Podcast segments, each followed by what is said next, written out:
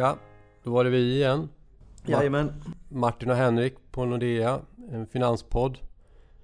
Hej Martin. Tjena Henrik. I, jag tänkte att vi skulle prata om Trump. Han hade en dålig dag på jobbet i tisdags.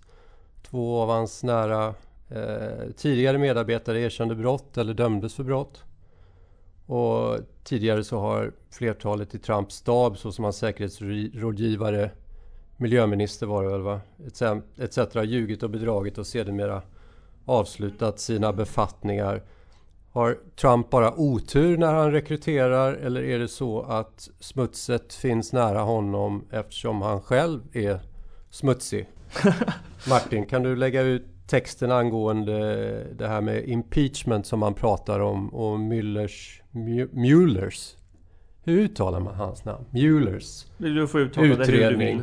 Müller ska jag säga. Ja, Müller då. Hans utred, utredning på Donald Trump. Kan du prata lite om det här med riksrätt? Eller vi kan prata lite grann om Jag tror egentligen att en viktig aspekt av det här, det finns många, men det är att när du har en person som blir så demoniserad som Trump då gör det att det blir svårt för honom att få tag i duktiga kandidater. Allt annat lika så blir det svårare för att man blir stigmatiserad om man befinner sig i hans närhet. Det behöver inte betyda att Trump är smutsig. Men att, att han ser ut att vara smutsig, det gör att han får svårt att hitta kandidater. Så det kan nog vara en drivkraft till det här byket man har grävt fram i hans omnejd, kan man väl säga. Ja. Um, hans, hans dåliga dag, ja, vi får väl se om den ger någon slags uh, följdeffekter. Men, Men, eh, vad var det vi såg på uh, i marknads, termer av marknadsrörelser? Då?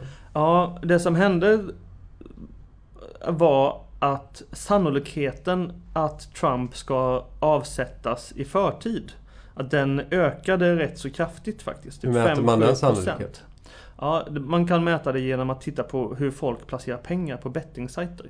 Eh, och det jag tittar på då vanligtvis det är ja, Kommer Trump åka ut i år, nästa år, 2020 eller hur ser det ut egentligen? Så kan man kalkylera någon slags förtidssannolikhet att han åker bort från, från Vita huset. Och den här sannolikheten steg rätt så kraftigt i samband med att hans eh, jurist då erkände, erkände brott. Um, och det här i sin tur samman, eller sammanfaller eller orsakar snarare att amerikanska räntor faller och att dollarn också tappar lite. Och varför gör den det? Jo, för att eh, populister, om man nu ska använda det begreppet, det är egentligen olämpligt tycker jag, men de tenderar ju att torgföra en expansiv finanspolitik, det vill säga de är bra för tillväxten.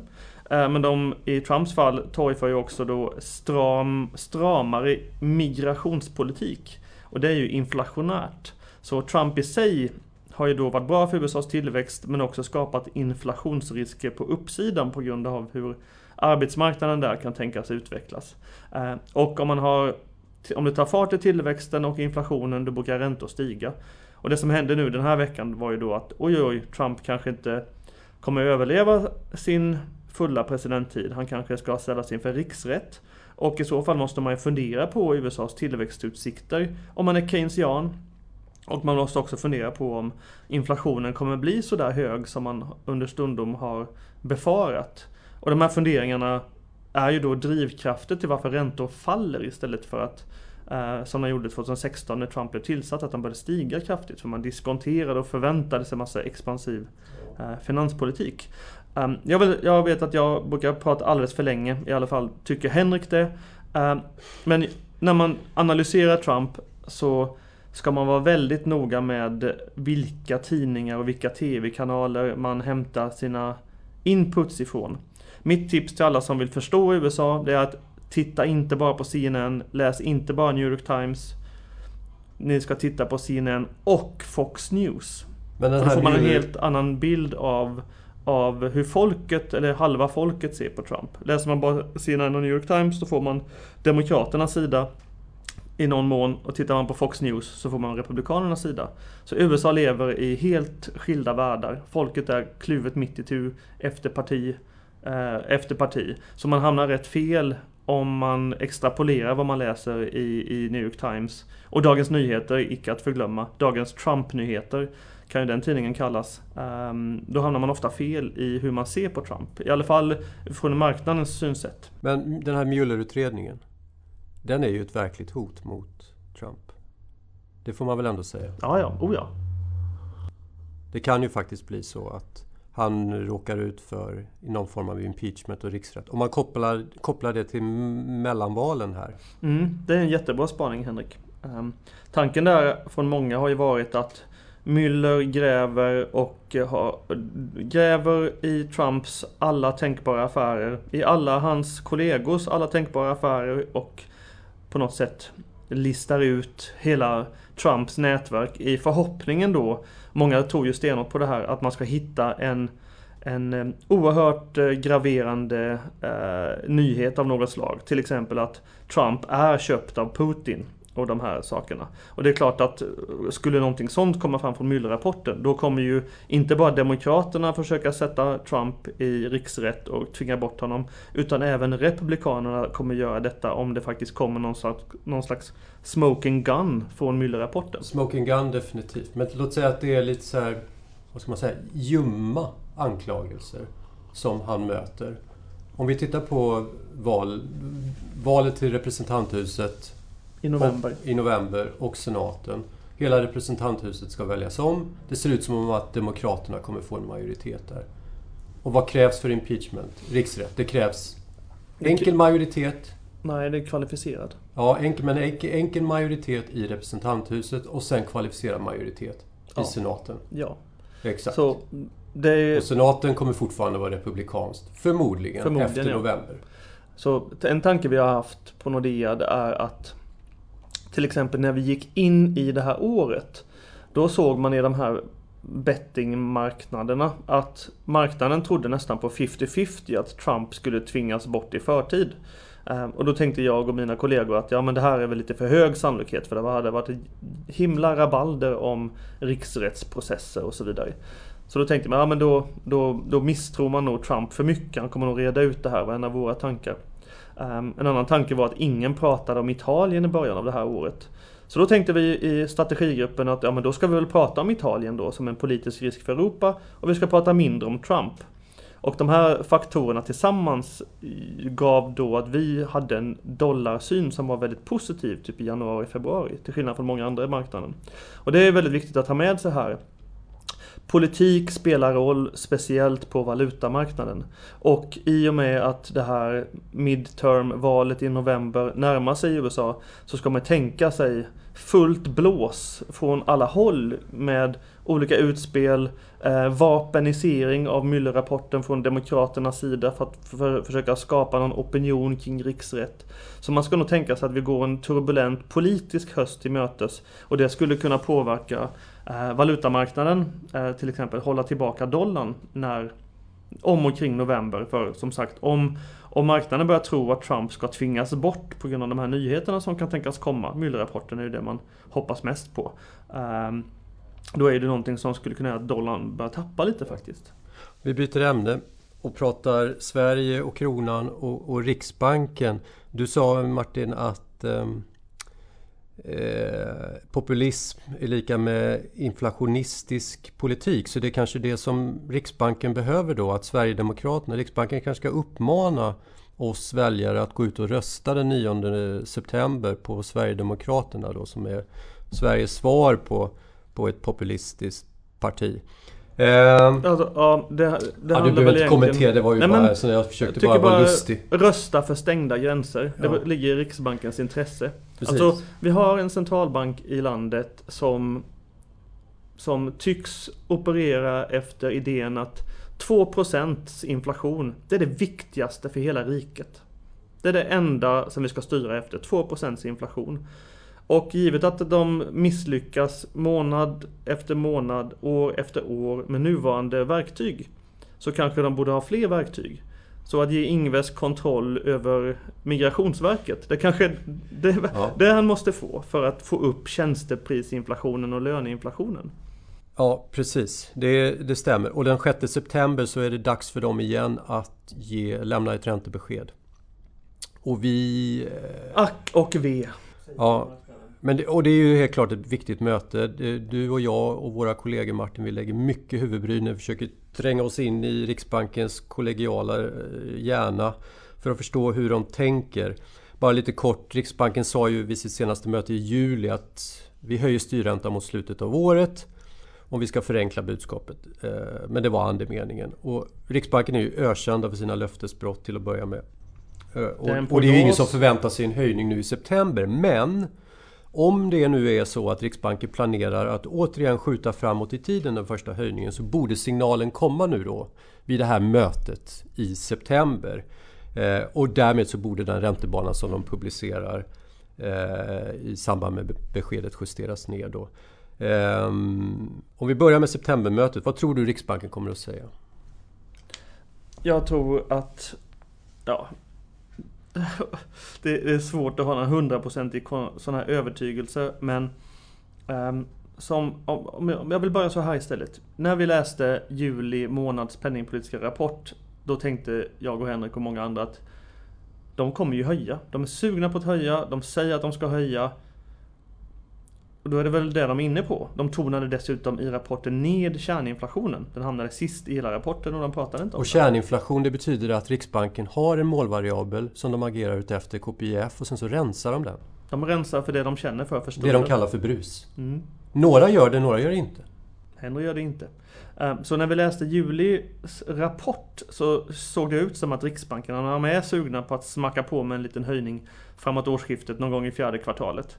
Um, och det var så hela rapporten såg ut och det var så Ingves lät. Han tonade ner hur direktionen var splittrad. För Martin Flodén och Henry Olsson är inte så, så sugna på den här lågräntepolitiken. De vill kanske höja eller höja tidigare än vad man lovar. Speciellt Henry. Um, så då fick man lite förhoppningar, men Riksbanken kanske ändå kan lyfta räntan. Sen läste man det här protokollet från mötet. Och i efterhand så får vi säga att Ingves gav egentligen en felaktig bild av vad, hur, hur tongångarna gick i bland de sex beslutsfattarna. De är väldigt splittrade. Så det är inte alls någon enhetlig bild. Riksbanken är splittrad rakt i mitten, 3-3 eller 4-2 kring räntepolitiken. Ehm, och helt plötsligt i rapporten, i det här protokollet, så var det en fasligt fokus på tjänsteinflationen på ett sätt vi inte har sett sedan 2013. Och det har gjort då att vi i marknaden har dragit slutsatsen, jaha, nu har Riksbanken inte bara slutat bry sig om KPI, slutat bry sig om KPIF, rensat för räntor. Och de har slutat bry sig om KPIF X energi. Utan nu är det tjänsteinflationen de har som målvariabel. De vill ju inte höja. Det är ju det som är andemeningen i det här. De vill ju inte höja räntan och så hittar de på skäl till varför de inte ska göra det. Ja, en centralbank kan ju alltid hitta på skäl till varför de inte gör som de har lovat eller indikerat att de ska göra. Man kan rensa bort hela KPI, då blir det noll. Ja, priser ja. x priser. Ja. ja. I, I, Japan i, i, i veckan har vi sett diskussioner om att Bank of Japan måste trycka mer pengar.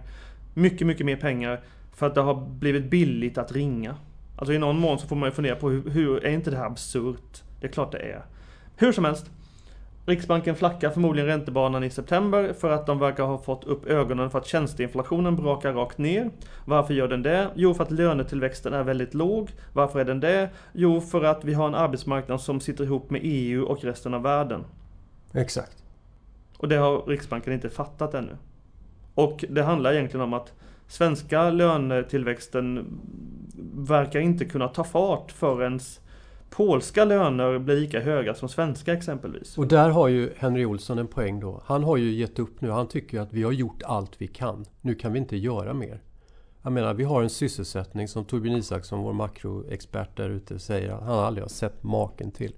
Vi har tillväxt på 3,3 procent. Kredittillväxt, fastighetsinflation, jada jada, you name it. Minus 50 punkter på styrräntan och så har de köpt obligationer för nästan 400 miljarder och äger större delen av den svenska statsskulden. Och kronan går fullständigt åt fanders. När vi gick in här så handlade Eurosek 10,53,5 tror jag. Den varit uppe på 10,56, 10,57. Dollar SEK 9,17. Vad händer med kronan när Riksbanken lämnar besked 6 september? Att de flackar räntebanan. Vad händer då med kronan? Om vi har ett om Riksbanken och den gör som vi tror, då får du ytterligare lite kronsvaghet. Um, kanske 10 öre till, temporärt i alla fall. Eh, sen ska man ha med sig att kronan här och nu där finns ju också en politisk riskpremie som har bidragit till att försvaga vår valuta. Um, ja, jag vet inte exakt. om vi ska utveckla det. Ja, men vi kommer, vi kommer till det, valet. Tror jag. Ja, precis.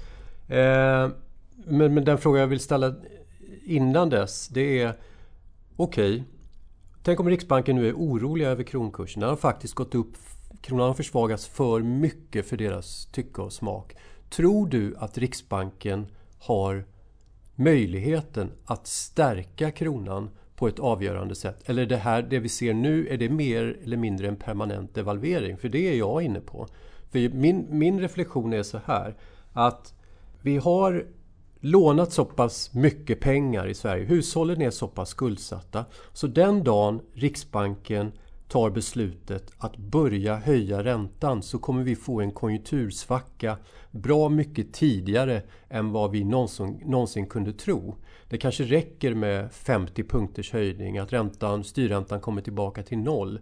Och sen så har vi en helt annan ekonomi än den vi har idag. Och 50 punkter kommer inte, kommer inte räcka för FX-marknaden att återigen börja köpa kronor. Så konjunkturen kommer svara på riksbankshöjningarna mycket tidigare på grund av känsligheten i, hos hushållens skuldsättning så att vi tar oss inte ur den här svaga kronpositionen som vi har lyckats landa i. Utan vi har mer eller mindre en permanent svag krona. Och Riksbanken har fel när de säger att den dagen penningpolitiken stramas åt, då kommer vi få en annan kronkurs än den vi har idag. Ja, lite annorlunda blir det nog. Men jag tror, du har, jag tror du har helt rätt. En sån här... Det är väldigt svårt att säga exakt vad som är rättvist värde för valutor. Men jag är lite inne på spåret att vi, och det här är att svära i kyrkan att säga det här som, som svensk analytiker. Men att Sverige som land kanske inte är så konkurrenskraftigt som alla tror att vi är. Ehm, för tio år sedan hade vi gigantiska bytesbalansöverskott till exempel och det brukar man se som en indikator på stark konkurrenskraft. Man exporterar mer än man importerar.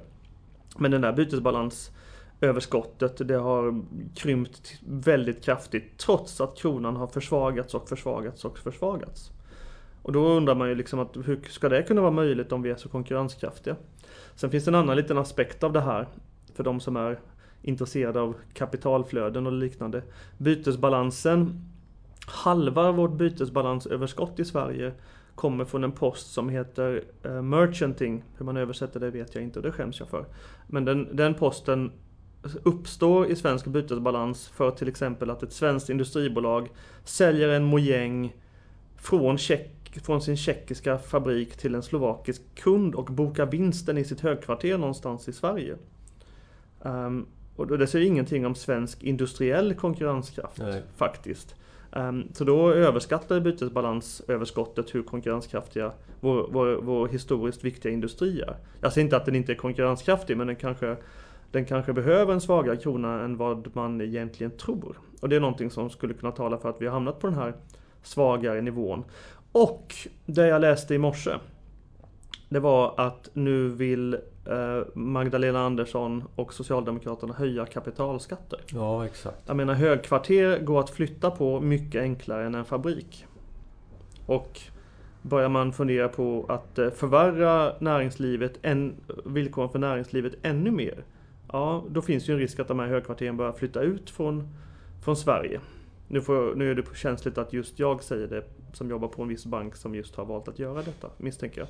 Men det kan bli mer sånt om ehm, politikerna inte tänker mer långsiktigt och mer näringslivsvänligt.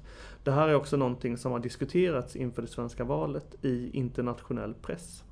Okej. Okay. Nu lät jag högtravande, ja, förlåt. Precis.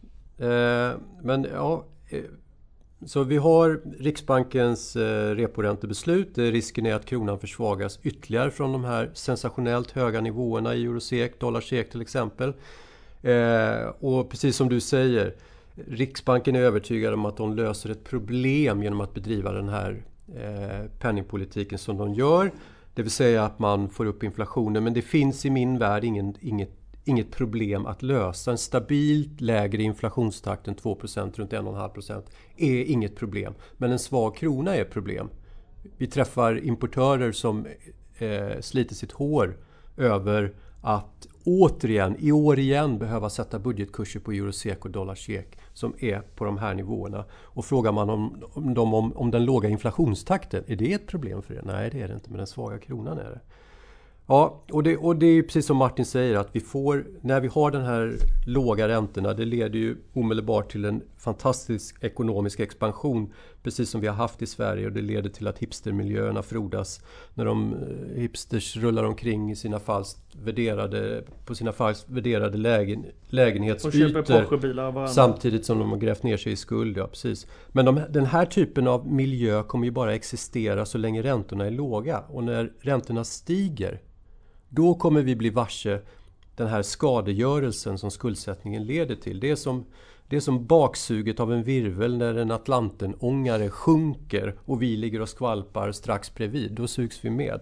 Men det är så, cheap money, det gör det möjligt att upprätthålla en livsstil som vi egentligen inte har råd med. Jag önskar egentligen att det pratades mer om det här från politiskt håll. Varför kan man inte säga att arbete är ju sättet att tjäna pengar på? Inte att, att spekulera Nej, och göra spara om. spara ska man göra.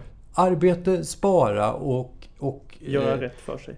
Precis, omvandla inte Sverige till en kasinoekonomi. Och då måste vi bara nämna någonting om valet. Vi har 9 september. Först Riksbanken kommer där. Skjuter första höjningen framåt i tiden. Pang, Eurosek försvagas, går upp till 10,65. Sen har vi 9 september. Och vi vet ju alla på ett ungefär hur det kommer sluta. Det kommer vara svårt att bilda en regering. Eh, bryr sig omvärlden om det? Kommer det att synas i kronan på måndagen när vi kommer tillbaka? Omvärlden bryr sig redan om det. Ja. Eh, en tanke vi har haft är att kronan är ett mått på svensk politisk polarisering. Det vill säga att ju mer polariserad valdebatten blir desto svårare kommer regeringsbildningen bli och desto större och längre osäkerhetsperiod kring svensk ekonomisk och ja, ekonomisk politik kommer bli. Um, nu när jag, innan vi gick in på det här mötet så såg jag att Magdalena Andersson, vår finansminister, hon sa att sossarna kommer vägra agera stödparti åt ett gäng småpartier. Innan så finns det de som har spekulerat att det ska kunna bli en stor koalition, en SNM-koalition med eh, Annie Lööf som håller i piskan kanske. Men att Magdalena Andersson säger så här att S tänker inte vara stödparti åt ett gäng småpartier. Det kan ju sticka lite i ögonen på till exempel Moderaterna som kanske skulle kunna bli nästan lika stora som sossarna. Ja. Sen finns ju också risken då, eller möjligheten hur man ska se det, att SD kanske kommer bli större än Socialdemokraterna. Det har ju under stundom nu under sommaren prissatts som lika sannolikt att SD blir störst som att sossarna ska bli störst. Mm. Um, så det här sticker i ögonen, det är ju en polariserande retorik. Och så kan man återkomma till det här med kapitalbeskattningen då. Om sossarna ska smacka på nya bankskatter och kapitalinkomstskatter och så vidare.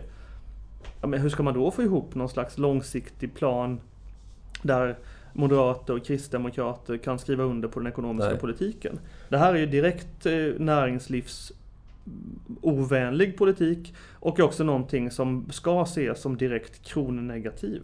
Precis. Um, det som jag faktiskt. reagerar på, som jag tycker är sensationellt, det är att vi har ett val som tydligt blir en utmaning mot den rådande ordningen, makteliterna och alla de här tröttkörda politiska flosklerna. Allt detta kommer granskas och så dyker valaffischerna upp här för ett tag sedan. Och jag ser det finns inget budskap på de här valaffischerna från de etablerade partierna som på ett seriöst sätt inser att det måste hända någonting. Det måste ske en korrigering, en nytändning, eh, åtgärder och program för att åtminstone rätta till lite grann av det som håller på att gå snett. Och Centern skriver framåt. Står det. Mot vad? På baksidan. Undrar jag, i vilken riktning och för vad? Vi har sjukvård i förfall, vårdköer, sönderfallande skola, vi har obefintlig polishjälp, tilltagande våld, gängkriminalitet, vi har en gigantisk underklass som växer fram och därtill någon form av flathet mot yttre hot och, och, och information och marknadsmanipulationer. Helt otroligt. Enligt min... Du eh, sammanfattar många kunders åsikt om det här valet också. Var är långsiktigheten? Var är de lite mer illustra planerna för vad vi ska göra för att förbättra Sverige. Precis. och, och det var som han historikern, dansk historikern Jalving sa. Eh, beskrivning av den svenska politiska nomenklaturan. Han, han sa att han kallade dem för barn. Så det borde ju finnas en riskpremie i kronan och du säger att det gör det Martin. Jag är inte riktigt lika säker. Jag tror att det blir en one hit wonder egentligen. Det kommer säljas kronor på måndagen, eh, tisdagen, onsdag men mot slutet av veckan så borde det vara över. Det håller jag med om. Jag tror att på sistone, om man tittar till tittar sista två veckorna, så har kronan satt nya svagare och svagare nivåer mot euron. Eurostocker glider uppåt dag efter dag efter dag. Och det här tar i alla fall jag som intäkt för att utlänningar inte köper kronor eh, och samtidigt sett, de kan till och med sälja kronor, utlänningar. Det har sammanfallit kronsvaghet med att det svenska valet har uppmärksammats i tidningar som Financial Times och i Bloomberg och i Wall Street Journal. Um, så det har varit mer fokus på, på det svenska valet från utländska konton. Och de flesta svenska kunder tänker ju liksom att Riksbanken, det går inte att lita på de här människorna, de kan vara hur mjuka som helst. Så samtidigt sett som valet Ja, det kan ju inte vara kronpositivt själva valutfallet. Det är väldigt svårt att få det till det. Det gör att svenska kunder inte går emot de här utländska flödena. Och då hamnar vi i ett läge där eurostocker bara glider lite roderlöst mot svagare och svagare nivåer. Ehm, det man kan ta med sig är att de flesta tror att kronan är billig. Och att när de här utländska kontona ehm, bestämmer sig för att byta fot och tänker ja men nu har någonting hänt i Sverige, till exempel att Riksbanken inte blir så mjuka som vi tror. Då kan det bli ganska trångt i dörren. Det kan man ta med sig. Men, men jag tror att det finns lite valriskpremie, men den är väldigt modest. Och det finns ingenting uppenbart som talar för att den ska försvinna inför valet. Den kan snarast växa lite till. Mm. Tack Martin. Vi eh, avslutar där. Hoppas att ni lyssnar på oss nästa gång. Tack! Adjö!